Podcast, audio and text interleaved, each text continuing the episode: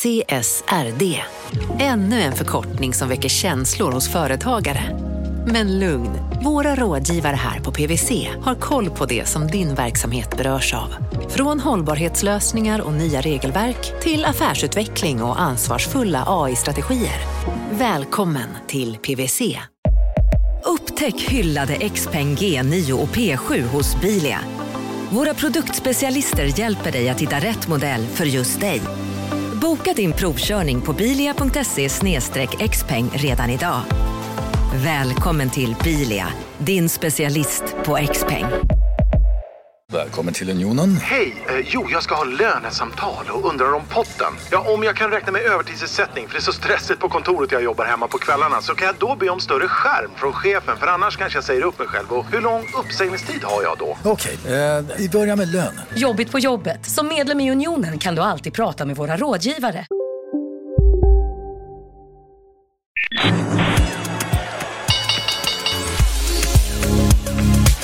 Det här är Affärsvärlden Magasin med Helene Rådstein. Hej och hjärtligt välkomna till podden Affärsvärlden Magasin där vi fördjupar oss i affärsvärldens journalistik. Jag heter Helene Rothstein och idag så har vi Charlotte Wetterlund och David Strömvall här. Och eh, ni kommer från eh, det globala rekryteringsbolaget Conferry. Välkomna hit. Tack så mycket. Tack. Ehm, vi ska prata idag om eh, styrelseordförandes roll, tänkte jag. Och eh, senare ska vi också prata lite om Årets ledare, som är ett pris som Affärsvärlden har, bland annat med er på Conferry. Men eh, jag vet att båda ni har jobbat inom rekrytering i 20 år ungefär. När började du? 2000. Och, och du Charlotte? Ja, då vinner jag, för jag kom den första december 99, började jag på Conferry. Mm. Och eh, om man tänker då på styrelseordförandens roll i, eh, i det svenska näringslivet. Vad skulle du Charlotte säga är den viktigaste förändringen som har skett under de här 20 åren sedan du började med rekrytering? Jag skulle vilja säga att ordförandens roll har förändrats i takt med omvärlden, vilket är helt naturligt. Men vad vi kan se det är att rollen har professionaliserats och urvalet till densamma har också professionaliserats. Det är vad vi kan se från vårt perspektiv. Och håller du med om det eller vill du lägga till någonting? Jag håller absolut med. Eh, kraven har ökat generellt. Eh, kravet på att vid eh, stor bandvidd som person måste vara nyfiken, måste förstå en mängd fler dimensioner som också belyses mycket mer transparent nu än för 20 år sedan. Vad är det för krav som man ser då har ökat när det gäller att tillsätta en styrelseordförande? Ja, men väldig noggrannhet naturligtvis eh, och en tydlig krav, kravprofil. Vad ska, ut, vad ska den här gruppen och i förlängningen ordföranden ha uträttat på ett, tre, fem års sikt för aktieägare och stämma ska vara nöjda? Eh, om man, eh, som jag kommer från eh, mediehållet, eh, så har man ju också sett de här senaste 20 åren hur rubrikerna kring styrelse, styrelsens ansvar och ordförandens ansvar också, hur det också har blivit allt mer aktuellt. Vi har haft flera stora case om HQ och, och det riktas eh, liksom skadeståndsanspråk och sådär mot eh, styrelseledamöter som kan ha slutat och sådär. Vad har det fått för konsekvenser när man eh, ska rekrytera till styrelsen. Vad säger du Charlotte? Det är klart att ansvarsfrågan eh, ligger högt på agendan eh, och att man förstår implikationerna av att ta ett sådant ansvar. Så att, eh, det försvinner en del kandidater när man inser vilket stort ansvar det egentligen är.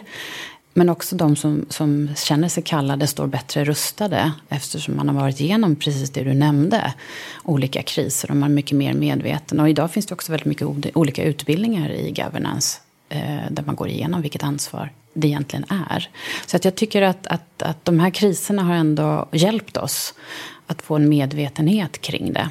Eh, och gör att vi står bättre rustade. Och de personerna som tar på sig det här ansvaret också. När ni ska då rekrytera styrelseordföranden, vad är skillnaden om man ska gå på den rollen jämfört med att rekrytera en VD? Vad säger du? Egentligen inte jättemycket. Processen är ganska lik nu för tiden. Det är väl, ehm, ja nej men ganska lik skulle jag faktiskt vilja säga. Va, va, vad säger du Charlotte?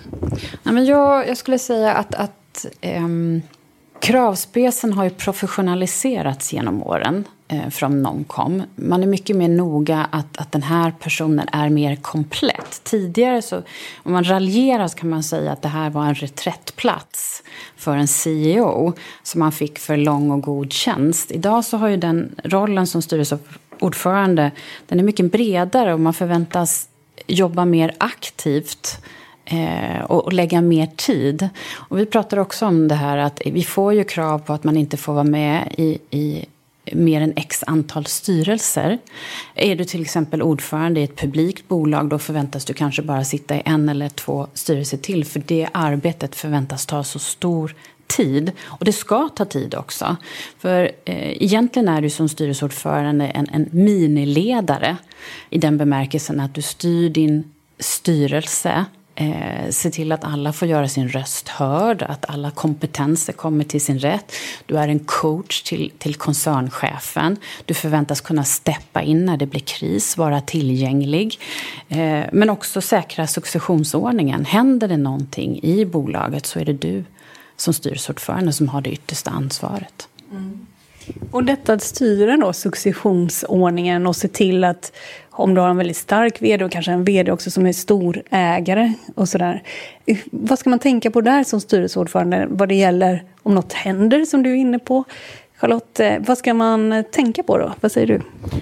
Men att du verkligen har tid. För att eh, du ska kunna räkna in både en pandemi och en finanskris och ett vd-byte. Så att, eh, att kanske en ordföranderoll i en noterad miljö tar, vi drar till i snitt över två år, 20 timmar i veckan. Men kanske det är kanske tre timmar i veckan väldigt länge. Sen är det plötsligt 70 timmar i veckan under en lång tid. Så att du har den, det utrymmet helt enkelt. Jag vill bara lägga till en grej om, om rekryteringen. Jag tänkte på det du sa. Eh, en, ändå lyfta fram en skillnad. För 20 år sedan så kunde du egentligen bara ställa frågan till en person en i taget. För om hen sa ja och sen var man tvungen att gå tillbaka och säga du fick det inte så skapar det otrolig badwill. Medan då hela styrelsekollektivet nu är vana vid att det är en process. Att man ställer frågan till ett antal personer och de får, även om de lägger ihop sitt pussel och säger att jag kan, så vet inte det lika med att de får. Så det är en mycket stor mognad även i kollektivet. Du pratade innan också om fragile, alltså det här med successionsordningen. Kan du inte säga något om det? Jo, ja.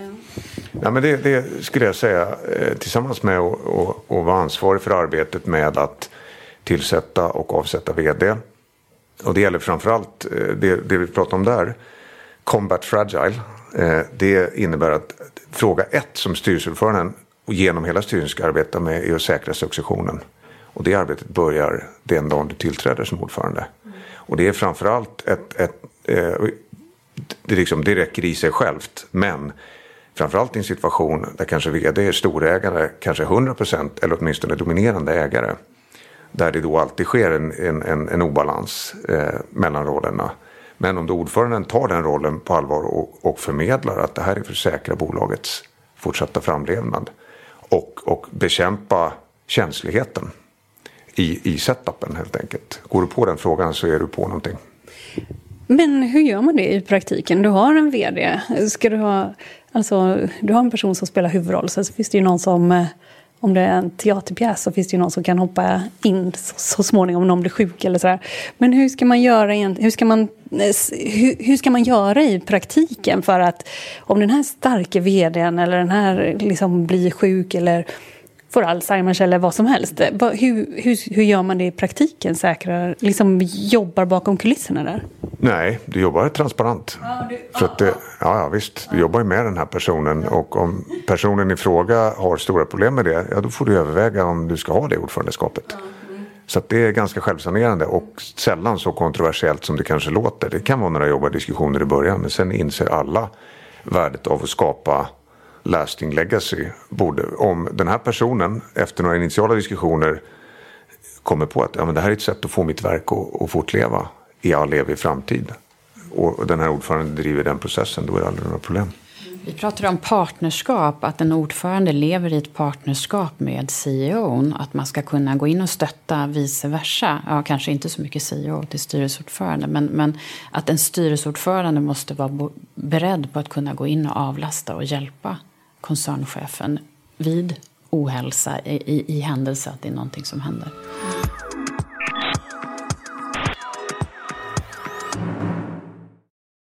Marknaden sponsras av SPP, pensionsbolaget. Eh, förra gången pratade vi lite om ITP.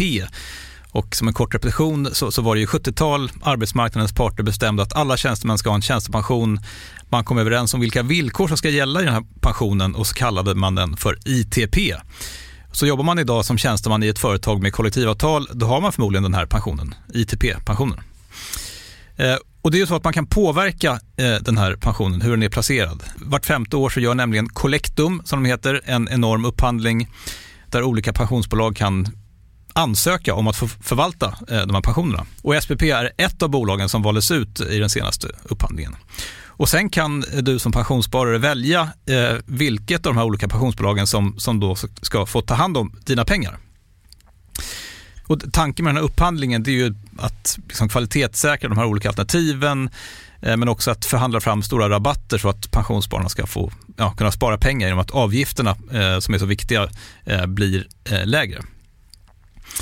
Och vill man välja någonting i ITP-systemet då finns det en relativt ny sajt som heter avtalat.se. Ehm, där kan man gå in och se hur sin ITP-pension är placerad. Jag gjorde det häromdagen faktiskt. Ehm, idén är att hälften av pengarna alltid ligger i något som kallas för traditionell försäkring. Det här gjorde vi ett avsnitt om i podden Kapitalet nyligen eh, som vi kallade världens bästa sparform. kan man lyssna på om man är intresserad. Eh, den andra halvan eh, den kan man också lägga i en traditionell försäkring eller så kan man placera det i något som kallas för fondförsäkring. Eh, SPP som sagt eh, var ju ett av de fåtal bolagen som valdes ut i den senaste upphandlingen och de finns med som alternativ både med en traditionell försäkring och med eh, fonder. Så det var en liten bakgrund till ITP-systemet. Vill man läsa mer om det här eller typ kolla hur ITP-pensionen är placerad, eh, kanske göra förändringar, då går man in på avtalat.se. Eh, men tack säger jag till SPP som vill göra oss människor mer medvetna om hur enormt viktig pensionen är för oss som en framtida lön, men också som en positiv kraft i samhället eh, och förstås för att ni möjliggör eh, den här podden Marknaden. Du lyssnar på Affärsvärlden Magasin med Helene Rådstein. När man då ska, när ägarna då ska tillsätta en ordförande, Ehm, vad är det för viktiga egenskaper man letar efter? Och finns det någonting som man... Ja, men det här är något som man faktiskt alltid... En kravspec som man alltid ställer, men som faktiskt inte är så viktig egentligen. Vad, vad, vad säger du? Ja, men jag får nästan hänvisa till data i det där fallet. Där har ju då vi på Conferry gjort en stor styrelseundersökning mm. i flera omgångar. Första gången 2005. Mm. Eh, där vi intervjuade drygt 60 eh, styrelseordförande och ledamöter runt om i Europa. Det leddes eh, några kollegor till oss. Och där, man, där det finns faktiskt en lista som är, känns väldigt rustik och modern om vad man behöver ha och behöver leta efter för att lyckas som ordförande oavsett om det är private equity, noterad miljö eller familjeägd miljö. Så att, um... vi, eh, det här med att man ska ha varit operativ i bolaget, eh, liksom, eh, eller att ha varit vd och sådär. Är det viktigt skulle du säga, Charlotte? Där är vi lite tudelade. Ja. Eh, det, det, naturliga svaret är att säga ja. Man ska ha exekutiv erfarenhet. För att bli styrelseordförande bör man också ha suttit i en styrelse och ha erfarenhet som ledamot. Men i takt med att talangpoolen blir mindre och vi behöver också få in fler personer i talangpoolen så kan vi ifrågasätta kravet på att det har varit just koncernchef för att ta en styrelseordförande. Man kan mycket väl ha haft en annan affärsdrivande funktion och suttit i styrelser. Eh, det viktiga tycker vi, och det visar också den här undersökningen, att man har vissa egenskaper som gör att man lever upp till kraven på en, en, en bra styrelseordförande. Och det kan vara krav på att man har ett, ett, är duktig på att se utanför sin egen box, att kunna ta in omvärlden, att ha både bredden och djupet, att man har egenskaper som gör att man är en duktig ledare i styrelsen, får alla att lyssna, eh, få, eh, mm, lyssna på alla, får alla eh, att, att kunna säga sin mening. För idag är ju styrelserna mycket mer blandade än vad de var för kanske 20 år sedan. Vi har personer från andra länder, kulturer, vi har personer av olika kön, vi har personer av olika åldrar. Och det gäller ju att få den här orkestern att spela tillsammans.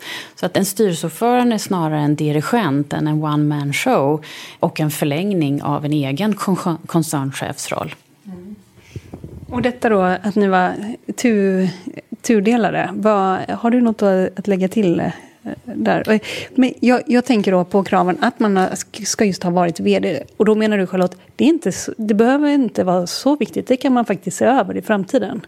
Vad, vad säger du om det? Ja, ja, precis. Jag tycker ungefär som Charlotte, men, men lite annorlunda. Att än så länge just för ordförande så är det bra, jag skulle inte säga att det är krav, men det är bra att du har själv utsatts för hettan och gå upp och dra för en styrelse med fullt odelegerat ansvar. Mm. Den är, det, det, är en liten vattendelare. Mm. Eh, eh, sen så förändras det där i takt, men än så länge så, så tycker jag det. Att det är en fördel för en ordförande, helt klart en styrelseordförande är också väldigt ensam i sin roll. Liksom eh, en, en koncernchef kan vara. Och det gäller ju att, att man, man pallar trycket om man får använda mm. en, en klyscha. Ja. Och särskilt har vi sett det under covid. Att det är i, det kan ju bli i stridens hetta. Då gäller det att vara lugn och, och behålla fattningen. En, en koncernchef kanske kan luta sig mot sin styrelseordförande men vem ska styrelseordförande luta sig emot? Och då gäller ju att man är en, en, en mogen individ som har varit igenom en del saker som David säger. Att man, man står pall för det är inte bara så att det är aktieägarna, det är organisationer, det är andra stakeholders som plötsligt media också för den delen. Så att det är en mycket mer komplex stakeholder-situation idag som, som pågår i realtid eh, än, än, vad det gjorde för 20 år sedan, låt säga. Apropå corona, det har ju ritat om eller det återstår väl att se hur mycket det har ritat om egentligen om ett par år. Mm. Men vad skulle man säga, det har sett andra krav på ledarskap liksom inom organisationen på olika sätt. Hur har corona, vad tror ni, har det fått några konsekvenser för styrelsearbetet eller för ordföranden? Va, vad säger du David? Mm, jag tycker det. Jag tycker att det påverkar ungefär i lika hög utsträckning som när en styrelse byter språk från svenska till engelska till exempel. Eh, vissa personlighetsdrag förändras. De som är bra på teknik får automatiskt lite högre traction i styrelsearbetet och de som är dåliga fast de kanske var tyngre innan sjunker tillbaks lite grann. Så det ritar om kartan lite. Man ska inte överdriva det men man ska notera det. Mm. Och vad säger du Charlotte? Mm, jag skulle säga vikten att hänga med sin samtid, sin omvärld är extremt viktig och har accelererat. Jag skulle också lyfta fram eh, det här med klimathotet. Att det plötsligt ser på agendan i ännu större utsträckning än det har varit tidigare. Det har också accelererat under, eh, under covid. Och att en, en styrelseordförande ska kunna hantera de omvändningar som sker i, i, just nu i detta. För den kommande generationen millennials, de kommer ställa allt högre krav på sina arbetsgivare. Och därför så måste de här frågorna om klimathot och om, om sociala eh, skillnader finnas på agendan för en styrelseordförande framöver.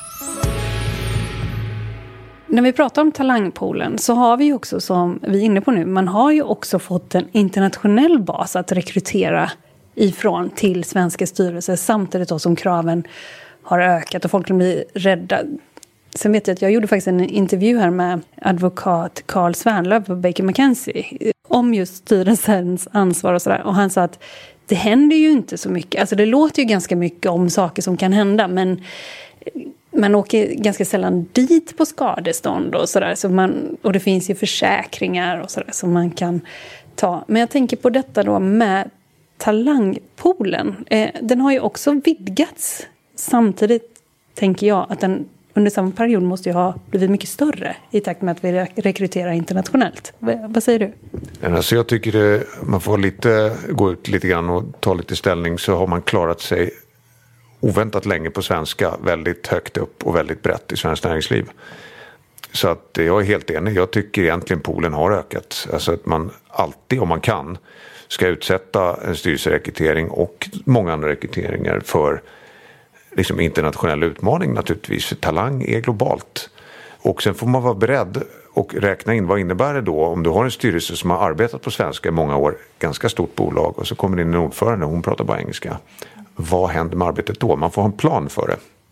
Och det vi adresserade tidigare, det gäller att ha tid och commitment att sitta i en styrelse. Sitter du i en operativ befattning i, låt säga USA, så måste du kunna avsätta tid för att antingen resa hit eller ha tid digitalt. Men då har du tidsskillnaden också. Så det, det gäller, även om talangpoolen ökar, så måste man ta praktiska saker i beaktande i form av tid och tidsskillnader. Och sen har vi också den här känsliga frågan med ersättning. Det är så att i Norden så betalar vi våra styrelser lite sämre än vad man gör på andra delar i världen.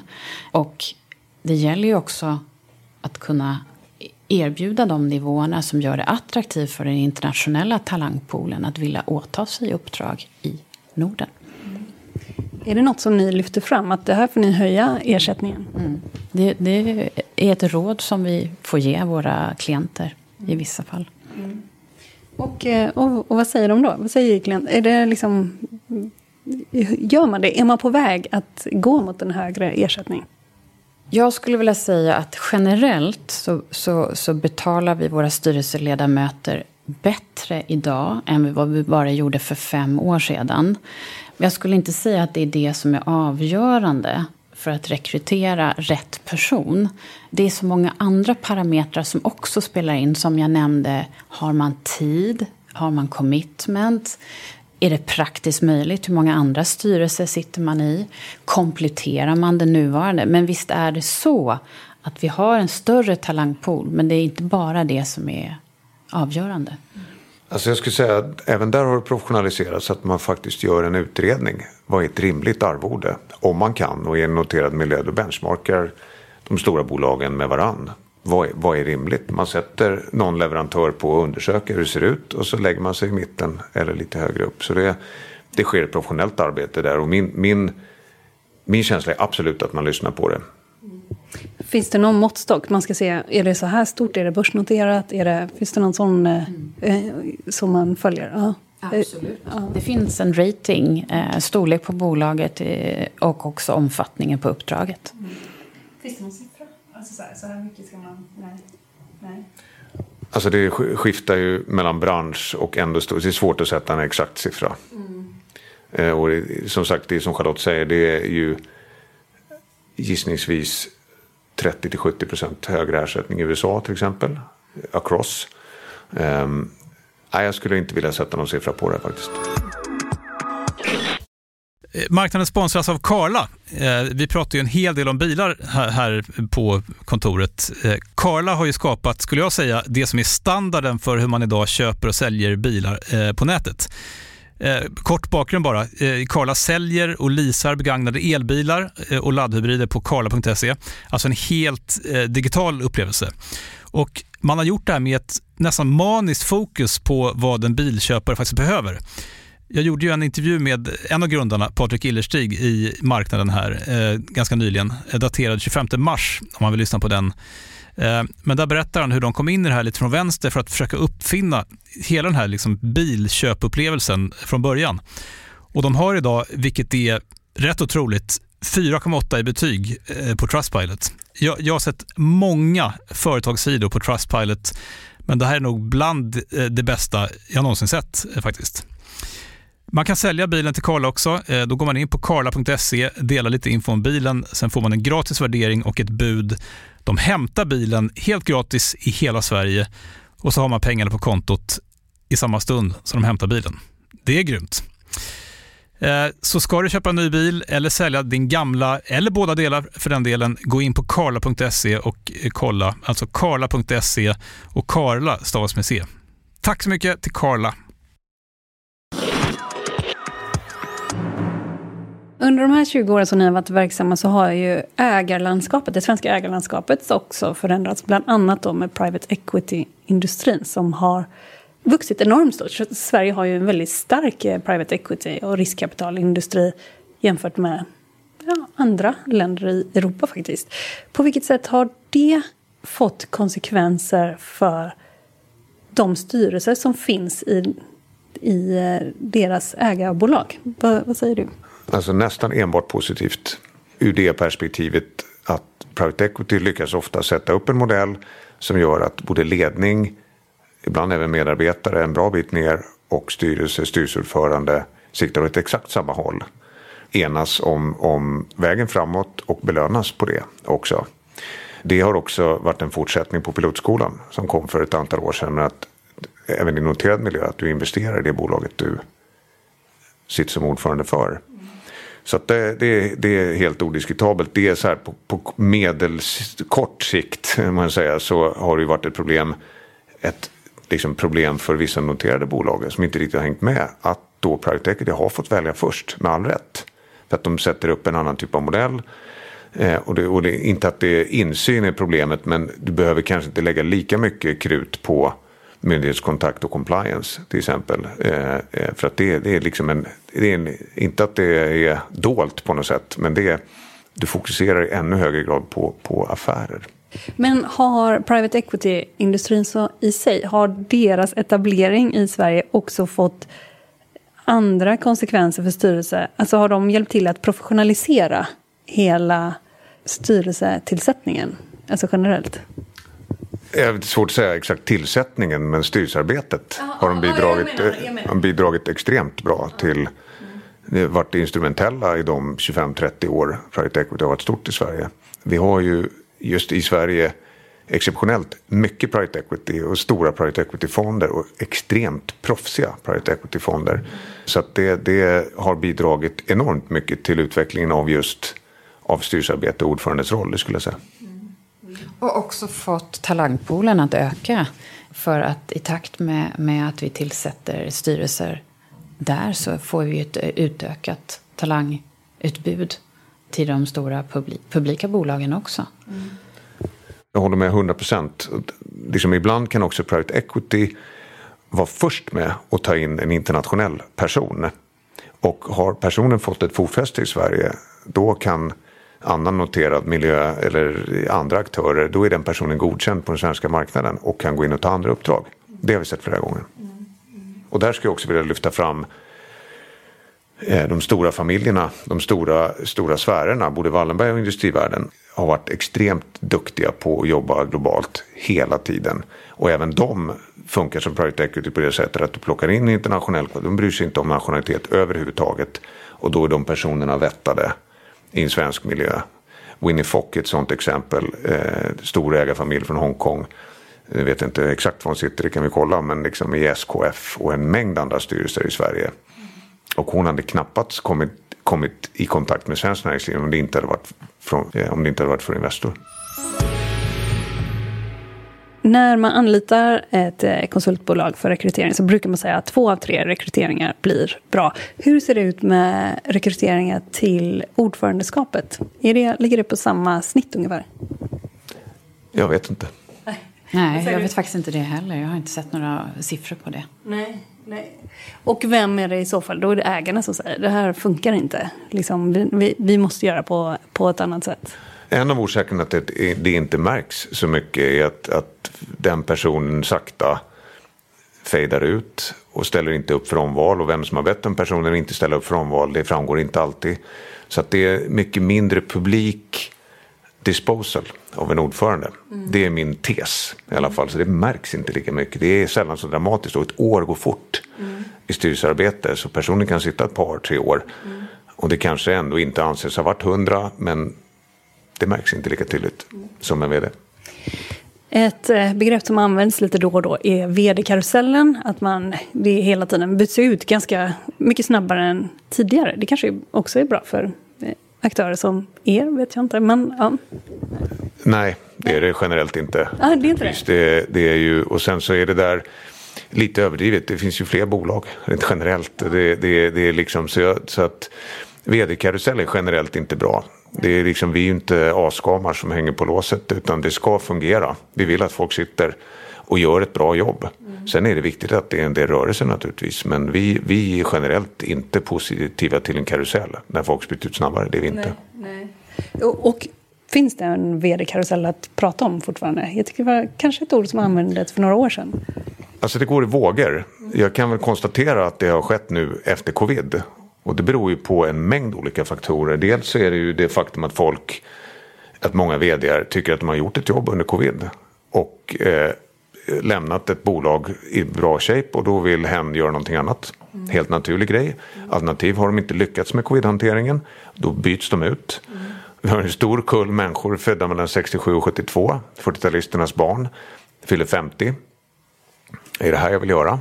Och byter. Så att just nu är det väl kanske en karusell men den beror på en mängd olika faktorer skulle jag säga. Mm. Och vi har också sett en trend de senaste åren där man har valt att lyfta upp trotjänare i organisationer eh, som har fått chansen och som nu ska bevisa sig. Vi har ett, en, en handfull sådana på börsen där vi ser att man har rekryterat från de egna leden eh, som nu ska bevisa sig inom de närmsta två, tre åren. Och det är väl också en ganska bra strategi, eller? För då kan man bolaget utan och innan, eller vad, vad säger du? Ja, det är en, en, strategi så god som någon. Det, vi kan konstatera att det är en trend. Och de här personerna de har ju blivit granskade av både i, styrelsen och i, i, vissa fall också externa konsulter. Så att de har ju ansetts vara bäst lämpade för uppdraget. Och det är i den förvissningen de har gått in i den här rollen. Och sen om de är, är, är bättre än en extern rekryterad vd, det återstår ju att se. Eh, jag tycker det är bra att många får chansen att, att företag tänker på sin interna successionsordning. Mm. Nej, men, eh, jag håller med Charlotte eh, där. att, att alltså, Rekryteringsfirmornas roll är ju att sätta kontext och bistå med beslutsunderlag. Oss spelar det ju ingen roll överhuvudtaget om det är en person som kommer utifrån eller som redan råkar finnas i organisationen. Utan vi sätter ju en profil med då önskemål om vad som ska levereras över de närmsta åren. Och sen så gör vi då som sagt olika typer av utvärderingar och tar referenser och kollar. Och, och eh, ibland blir det en person som redan finns. Det är aldrig en förlust för någon, precis tvärtom. Utan det är extremt viktigt att den personen har jämförts med de bästa på marknaden. Och sen har man aktivt valt den personen och lyft upp den. Så att, eh, det är precis som Charlotte säger, sen får man se hur det går. Men eh, det är, det är exakt samma sak som en extern rekrytering. Mm. Och det är, viktigt, det är viktigt att poängtera kanske också mot organisationen, att det inte är för att man känner någon och sådär, eller? Ja, absolut. Den personen som har fått rollen åtnjuter ju styrelsens förtroende och den ska gå in i förvissningen att den är den bäst lämpade kandidaten i detta läge. Jag vet att faktiskt du Charlotte, du lägger ner ganska stort arbete på research vad gäller årets ledare. Eller ni har gjort det på Conferry. Och årets ledare är liksom ett ledarskapspris som har funnits i eh, 36 år tror jag, någonting. I alla fall sedan 1984. Va? Eh, som Affärsvärlden har delat ut. Det är ett ganska fint ledarskapspris, alltså anses också vara fint. När du gör den här researchen, hur gör du? Eller ni? Och först och främst vill jag verkligen poängtera att det är teamwork. Ja. Eh, och, och, vi gör ju en, en, en, en låtsasrekrytering kan vi säga. Det vi, vi har ju ett, ett tio, krav, tio krav som, som grundaren av prisen ställde upp. Som vi arbetar utifrån. Och eh, vi gör en långlista på kandidater tillsammans med juryn.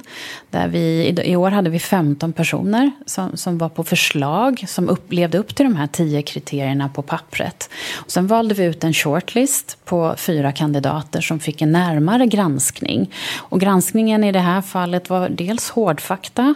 Eh, hur har börskursen gått? Eh, vad har den här personen eh, de facto presterat i, i hårda siffror? Men vi tittar också på de mjuka värdena, det vill säga vi tar en, en ganska omfattande referenstagning. Och då pratar vi med styrelsen, representanter från styrelsen. Vi pratar med personer i ledningsgruppen, eh, peers, och så pratar vi med personer ute i organisationen för att ta ett lackmustest på hur uppfattas den här personen som ledare. Så de personerna som är på shortlist och den som slutligen blir vald kan eh, ha förvissningen att den har blivit granskad eh, omfattande för sina ledaregenskaper. Och eh, jag vet att eh, när vi pratade tidigare så sa du, jag tror det var för ett år sedan, att att eh, transparens och eh, högt EQ, det är verkligen något som efterfrågas allt mer. Autenticitet pratar du också om. Det håller i sig, eller? Mm. Och, och, det är roligt att du lyfter det, för att den här undersökningen som vi på Conferia har gjort under 2020 av styrelseordförande, så hamnar EQ bland de egenskaperna som man efterfrågar mest. Och det handlar om att se andra människor, sätta sig in i andra människors situation och kunna kommunicera. Och att det anses vara en av de viktigaste egenskaperna, både för en koncernchef men också för en styrelseordförande.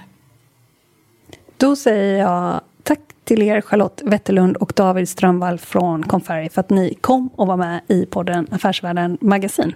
Tack för att vi fick vara med. Tack så mycket. Tack. Du har lyssnat på podden Affärsvärlden Magasin med mig, Helene Rothstein. Och eh, idag så har vi pratat om styrelseordförandens roll och hur den har förändrats över tid. Och eh, jag vill bara säga att detta är också lite apropå att vi har det här priset Årets ledare, där det sker jurydiskussioner just nu om vem som ska få det här priset som delas ut den 24 november. Och det här är ett ledarskapspris som Affärsvärlden har delat ut ända sedan 1984. Och eh, utmärkelsen den delas ut varje år till en person som har uppvisat ett enastående ledarskap inom näringsliv eller förvaltning. Och priset det möjliggörs av partners som Affärsvärlden samarbetar med. Och förutom Corn Ferry, som vi lyssnar på precis, så är det Mannen med Svartling, PA Consulting och Vipro. Och jag vill också puffa lite för att vi vi kommer att lyssna på en ganska rolig ordförandeintervju i podden alldeles strax om två veckor eller så. Och eh, vi hörs då. Håll ut. Hej då!